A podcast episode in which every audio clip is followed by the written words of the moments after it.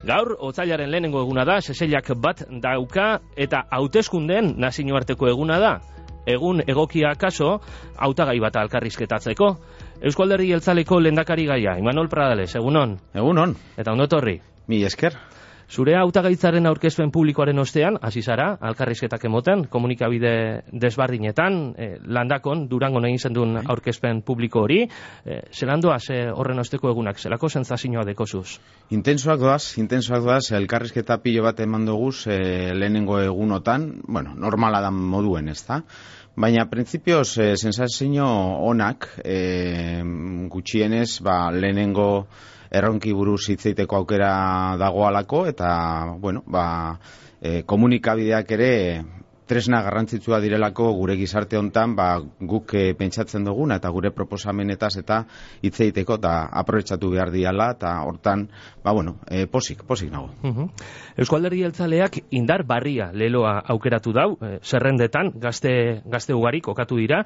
Eh, esan duzu, lendakari basara gobernuan onenak egongo dirala. E, onenen artean gazteak eta eskarmentu dunak ikusten dozu, edo adinari e, urtei e, esiak erreparatu behar. Nik eh, azpimarratzen ebana pasan egunian zan eh, niretzat taldea oso garrantzitsua dala eta hau talde lana lana dala. Ez dala bakarrik eh, imanolen eh, lana, baizik eta guztion lana. Eta zentzu horretan, eh, herri honetan, ba, daukagun gizartea kontutan hartu behar da, eta gizarte hontan daude adinekuak eta daude gazteaguak, eta Bueno, nola edo ala nik eh, ordezkatzen eh, dodan eh, belaunaldi berri bat, ezta? Eta nik eh, pasan egunean saiatzen nintzen esaten, bueno, belaunaldi berri honi ziurrenik eh, tokatzen jako, ba, lidertza bat hartzie, baina horrek ez du esar nahi eskarmentuko jenderik eh, ez dela egongo talde horretan edota gazteagoak dienak ere ez diela egongo. Nik uste dut eh, osotasunean eh, irakurri behar dugulan ez eta ba, bueno, belaunaldi berri batek eh, ardure eh, bueno, ba, berri bat hartu momentu honetan, ez da? E, udaleta foru hauteskundetako kanpainan, e, udabarrian, saratan diagon zan, e, alderdi askoren aldetik berba okerrak, lehiakide politikoa, erridikulizetako bideoak, e, mota honetako beste kanpaina bat itxaron behar dugu, ze jendea kontu honekaz oso nekatuta dago. Nik hortan ez do sinisten. Ez do sinisten. Nik uste dut e, e, kanpaina da horre kanpaina baten batez be bilatu behar duguna dela e, ideak e, trukaketa bat, e, proposamen ezberdinak ezagutu, estilo, bueno, ba, bategaz egin, en, lasaitasuna bilatu, badakit batzuetan ez dela bat ere erresa, eta badakit bakoitzaren esku bakarrik ez dago lau. Baina lata guztiz be, nire ustetan, eta ni horretan saiatuko naz, e, ni proposamenak eitzeko e, bueno, ba, eskua lusatuko dut, batez be, eta ideak kontrastatzeko eskua lusatuko dut. Geo, bakoitza bere erude aukiko dau, e, bakoitza defendatuko dau berea, e, baina uste dut hori dala bidea, ez da, ez da beste biderik nire ustez politika eitzeko moduen. Eh? Pandemiak Euskal Osasun sistema kolpatu dauela eta bere sasoian lehen arretan jarri ziran filtroak kentzen joan behar dirala esan duzu, aurrez aurreko kontsultak berreskuratzen joan behar dirala, e, horretarako zein da bidea? Nik pasan egunian, honetaz e, luze, e, hitzein dut azte honetan, e, esaten neban, batetik e, gure ongizatea, nik e, saiatu naiz e, landakon e, izandako ekitalditik e, onai eta gaur arte, ba, idei batekin jolastea, ez da, nola baita esatagatik. Eta da, e, Euskadi e, berri mm, baten alde itxea, nun ongizatea, e, segurtasuna eta e, nazartekotzea, Euskadi global bat, ba, landu eta garatu behar dugun. Eta ongizatearen e, testu inguru horretan kokatzen eban nik besteak beste, enplegumena, segurtasuna, zaintza eredua, eta bar, eta bar, eta baita osasuna, ez? Ta nik lehenengo minututik eh, esaten ari naizena da, guk eh, osakidetza hitzeiten baldin badugu, eh, euskal osasun eh, sistema sendoa da, ona da eta babestu beharra dago. Egia da, egia da pandemiatik ona eta ez da bakerrik Euskadin gertatu den gauza baiz, baizik eta mundu mailan gertatu dana, e, kolpatu in zuelak pandemiak e, sistema guztiak, baita osakidetza be eta gure sistema be.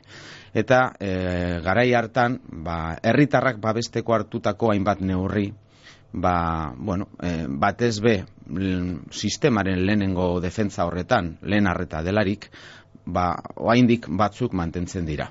Eta nik uste dut, e, ba, gizarteak e, batetik esaten digula, aizue, e, hau, e, babestu beharra dago, sendotu beharra dago, guztizadoz, hobetzen ari gara, jaurlaritza badabila politika berri bat, bat e, garatzen, baina oraindik hobetzeko e, badagoela eta hori da nik azpimarratu nahi neban ideia. Hobetzeko gauzak oraindik badauzkagula kontutan izanik gure sistema euskal osasun sistemak oso sendoa dela. Eta babestu beharra dagoela, eta ez hori bakarri baizik eta hobekuntza hoiek profesionalen eskutik etorri behar direla baita be. Profesionalei entzunez, hoiekin ikasiz. Hori da, nire ustetan dagoen e, bide bakarra gauzak e, benetan e, hobetzeko eta eta hori da nik e, azpimarratzen dudan ideia pasadan asteburutik e, onaino. Mm -hmm. Otzon ezagorduik aste honetan bertan esan dau, eta zer horrek esan duzu ontxe, jaurlaritza horretan hasita dagoala, e, alandabe esaldozu uste jendeak osakidetzan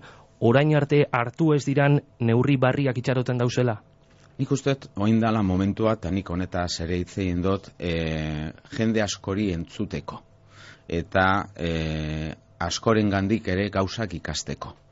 Zer gaitik, proposamen bat egin behar dugulako urrengo asteotan, ez dakit noiz izango diren hauteskundeak, baina kanpaina etortzen danerako guk programa batekin, proposamenekin joan bergara, e, jendearen esateko, bueno, hau da gure e, bidea, hau da gure eredua, ezta?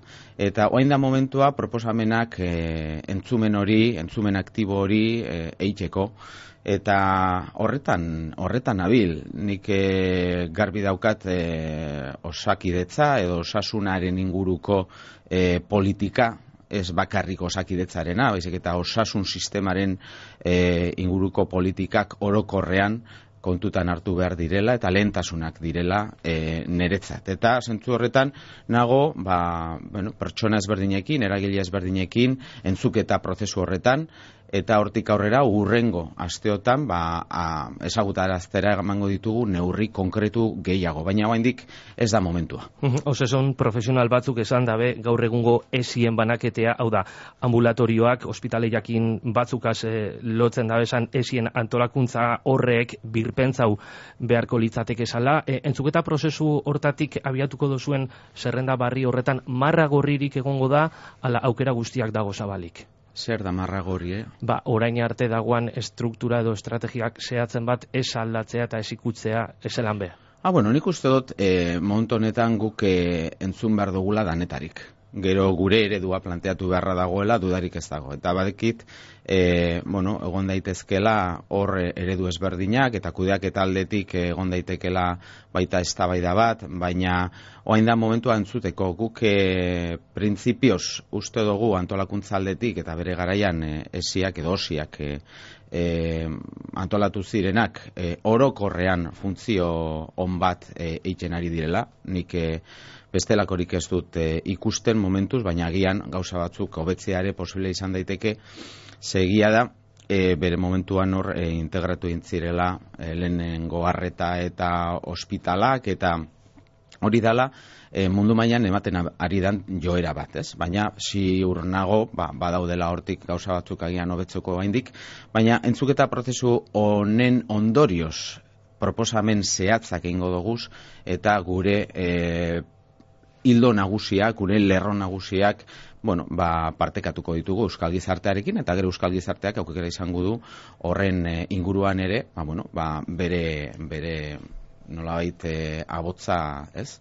Ezagutarazteko. Mm Durangoko aurkezpenean esan zen zure lehentasunetariko bat gazteen kolektiboa izango zala, eta etxe bizitza politikak beha itxatu zanduzan bai. lehentasunen artean. Azte hon bertan, e, etxe bizitzaren sarbiderako kongresu eginda Bilbon, Euskalduna jauregian, eta antxe, Iñaki Arriolak, etxe bizitza zailburuak aldundiei, etxe bizitza gaiei begirako fiskalidadea aldatzeko eskatu deutze.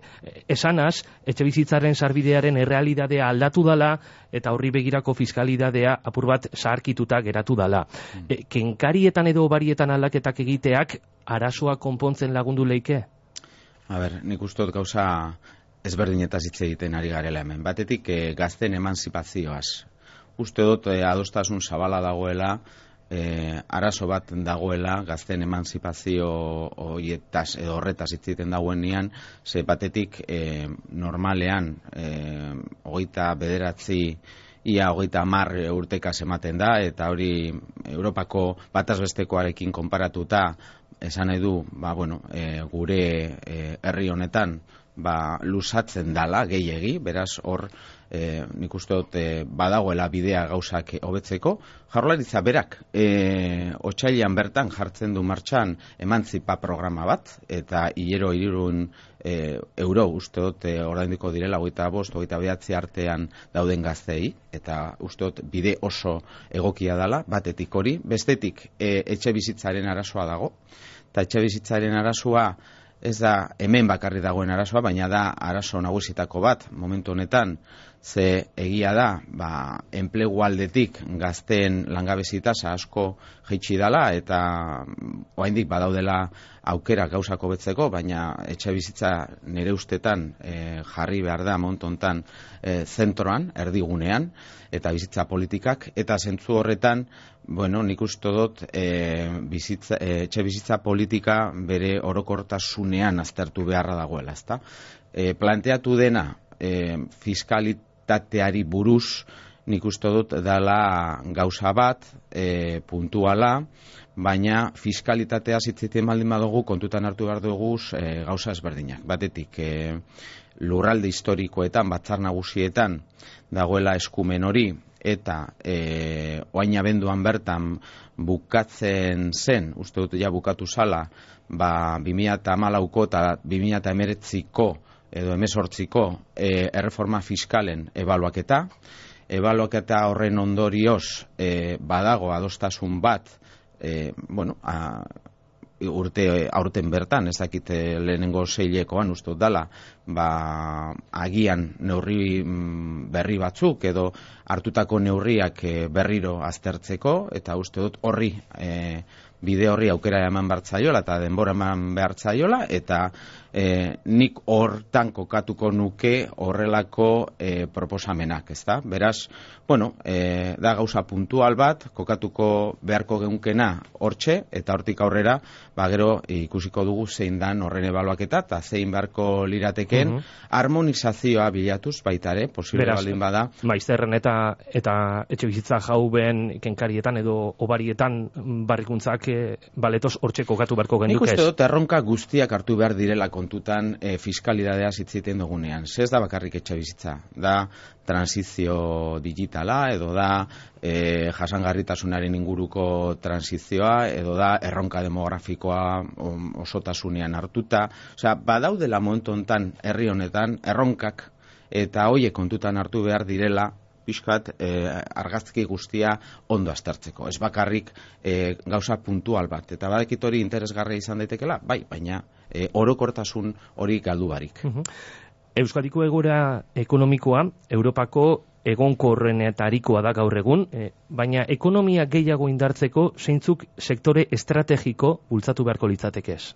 Ha, nik uste dut, e, momentu honetan daukagun egoera sozioekonomikoa e, egonkorra esaten zenuen zuk, nik uste dut ona dela, azken e, amar urteotan asko betu da, naiz eta e, bitartean e, sok handiak egon, ez? Krisi finantzierotik hasita, pandemiakin jarraituz, eta gero momentu honetan ikusten ari garezen e, krisiak, ez da? Ukraniako gerrak ekarri dauen e, krisi energetikoa, inflazioa, azken e, hilabeteotako gazako gatazka hori, ez? Nik uste dut e, guzti hori gertatzen da, eta alata guztiz be euskal ekonomiak daukan sendotasuna hortxe dagoela, eta gainera, obera joan garela. Oindala, amar bat urte, e, lanean, Euskal Autonomia Erkidegoan egongo ziren sortzi deunda larogei eta lau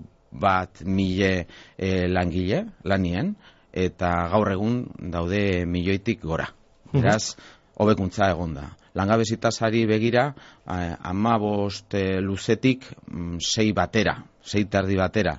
Beraz, hobekuntza zak egon dira euskal ekonomiak eta eta sendotasuna dago eta gainera da ekonomia berritzaileagoa, e, lehiakorragoa, nik uste dut e, horretan gauzak ondo egin direla eta lidertza ona egon dela eta Eusko Alderdi Jeltzaleak lideratu egin dagoela gainera Eusko Jaurlaritza eta hainbat aldundietan. Beraz, hori azpimarratu beharra dago. E, eta badauzkagu, badauzkagu indarguneak, badauzkagu indarguneak energiaren sektorean, automozinoan, e, orokorrean industria guretzat uste dut e, indargune bat dala eta gurea denean dagola sarturik eta hori babestu beharra dagoela eta sendotu, baina, baina, momentu honetan, ekonomia berriak, erronka berriak ere, e, plazaratzen ditu, eta e, aukera berriak enpresa mm, barriak ere sortzeko eta enplegu e, berria sortzeko eta kalitatezko enplegu, enplegua sortzeko. Na, nik uste dut eta pasadan egunean be honetan ez, ez neban sakondu, baina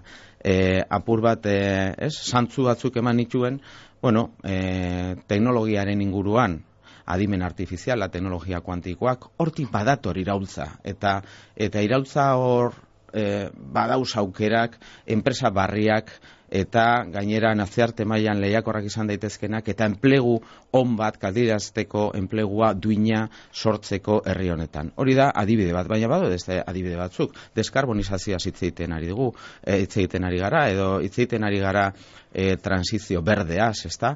Hor ere badauzkagu, hainbat eta hainbat aukera, industria berriak sortzeko herri honetan. Nik uste dut horti dagoela bidea eta horri eman bartzaiola bultza da.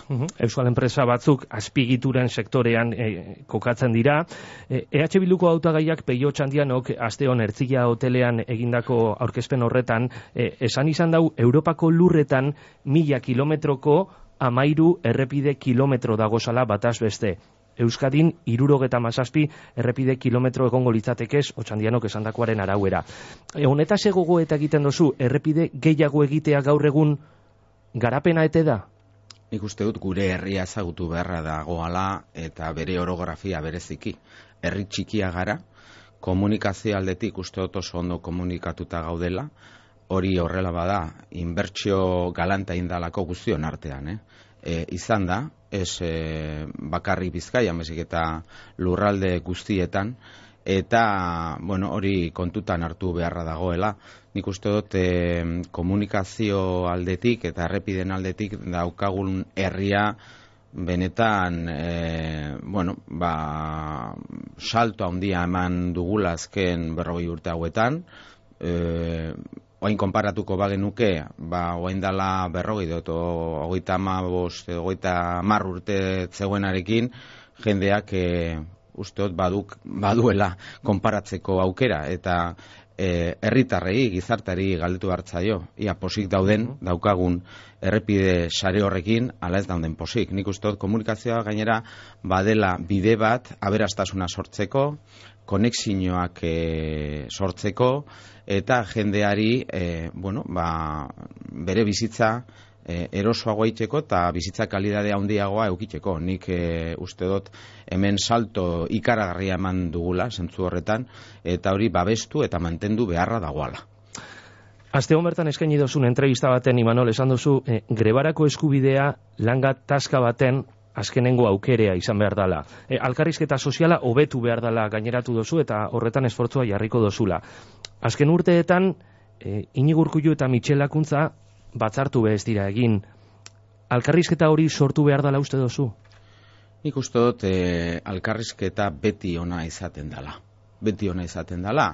Ze guk biok arazo bat baldin badaukagu eta gure artean ez badugu hitz egiten, ba, nola ba, lortuko duguz e, gutxienez diagnostiko bat eta hortik horrea ba, saiakera bat gauzak konpontzeko. Beraz, e, hitz egitea e, nire ustez da oinarrizko tresna bat eta gizakiok erabili egiten duguna normalean eta erabili behar dena edo zein e, tokitan berdintzait enpresa munduan edo e, politika munduan edo universidadean, ez? Hitzeitea importantea dela eta hortik etor daitekelako adostasunerako bidea, ez?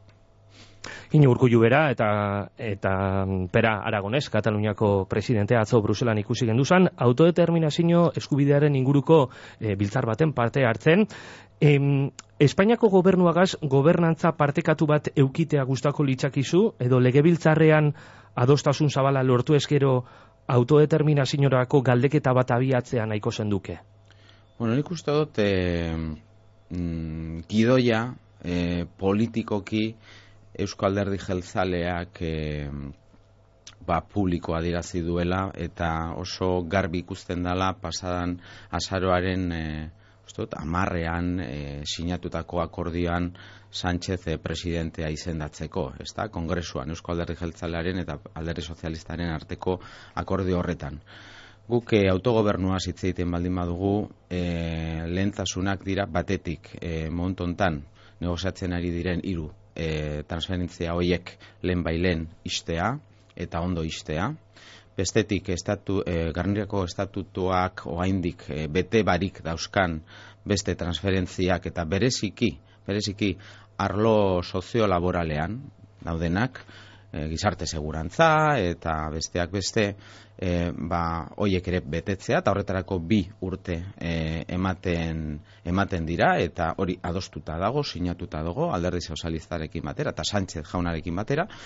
Eta e, hortik aurrera eta behin hori bukatzen danean eta isten danean fase hori autogobernu berriaz hitz egiten da. Eta autogobernu berriaz hitz egiten danean e, iruz palau gauza aipatzen dira, eta uste dut importantea dela e, berriro azpimarratzea. Batetik, e, nazio bat garelaren e, onartzea, e, estatu mailan Euskal Nazioa dagoela. Bestetik, e, autogobernuaren bermea, bermea, ze, bueno, azken e, amarkadetan ikusi dugu, ze gertatu dan askotan, ez?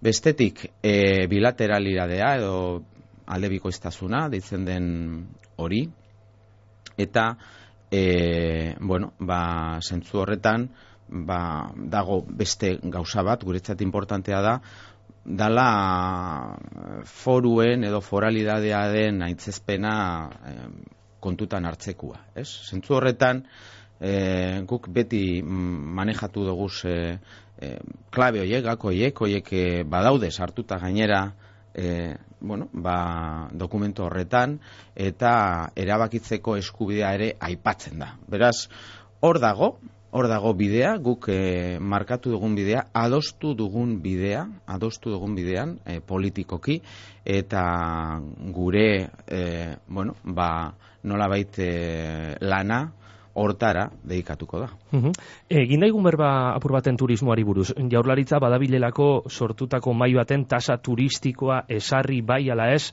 aztertzen, eneko goiak esan dau donostian jartearen aldekoa dala, Juan Maria Burtok, Bilboko alkateak eh, esan izan duzku, bueno, ba, horretaz gogo eta egin berdala, e, turistei euro bat edo biko tasa kobratzeak Euskadiri e, mesede edo kalte egingo leuskio, eta gai honen inguruan neurririk edo aurre ikusten duzu hautezkundo programan? E, turismoaren ingurua zitziten dugunean, aber, nik uste dut, e, kontutan hartu bar dugula turismoa guretzat Euskadi bezala, eh? E, egin da, e, dela, bueno, sektore bat nahiko berria, ez? Gure e, jarduera ekonomikoari begira turismoa etzegoen sektore bezala identifikatuta egia da Donostian historikoki egon dela turismo bat, baina Bilbo baten ez, gaztaizen gutxiago, bueno, zan edut e, guretzat badela sektore berri bat. Eta e, nik beti defendatu dut turismoa badela industria berri bat, eta e, sendotasuna irabazi beharko lukela jarduera ekonomikoari begira eta enpleguari begira baita kalitatezko enplegua sortzeko baldintzak nolabait landu behar direlako. Ze askotan sortzen den enplegu tipoa e, turismo arloan ba, behin behinekoa izaten da eta baldintzak ez dira honenak, ezta? Bueno, sentzu horretatik ba, nik ustot e, turismoaren inguruan badaudela errealidade ezberdinak gure herri honetan. Ez dela gauza bera donostiko realidadea, bilbokoa, gazteizkoa, ez dela gauza bera gipuzkoa baten egon daiteken realidadea mugan, on jarbin eta irunen, esate baterako, edo e, ba, antzuolan. Beraz, askatasuna emongo zeun udalerri bako txari. Beraz, uste dut, e, hemen e, zuhurtziaz jokatu behar dela. Eta aur, argazkia ikusi behar dela, baina argazki guztia, ez bakarrik. Eta gero, e, legeari begira, e, printzipioz, e, printzipioz, tasak, e, udaletxeen esku daude.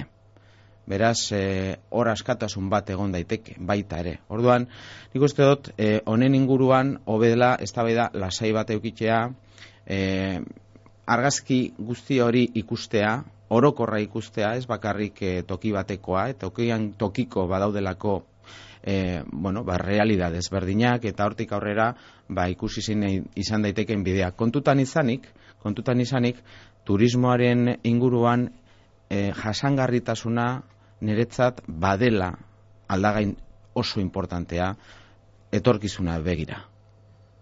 Ba, goizoko beratzitarako pare bat minutu baino, ez, e, ukingo dugu denborea, hautezkunde kampaina gehiagotan berbaiteko, Imanol Praales, Euskal Herri Altzaleko lehendakari gaia. Eskerrik asko geurean egotearen eta urrengor arte. Mi esker zuei.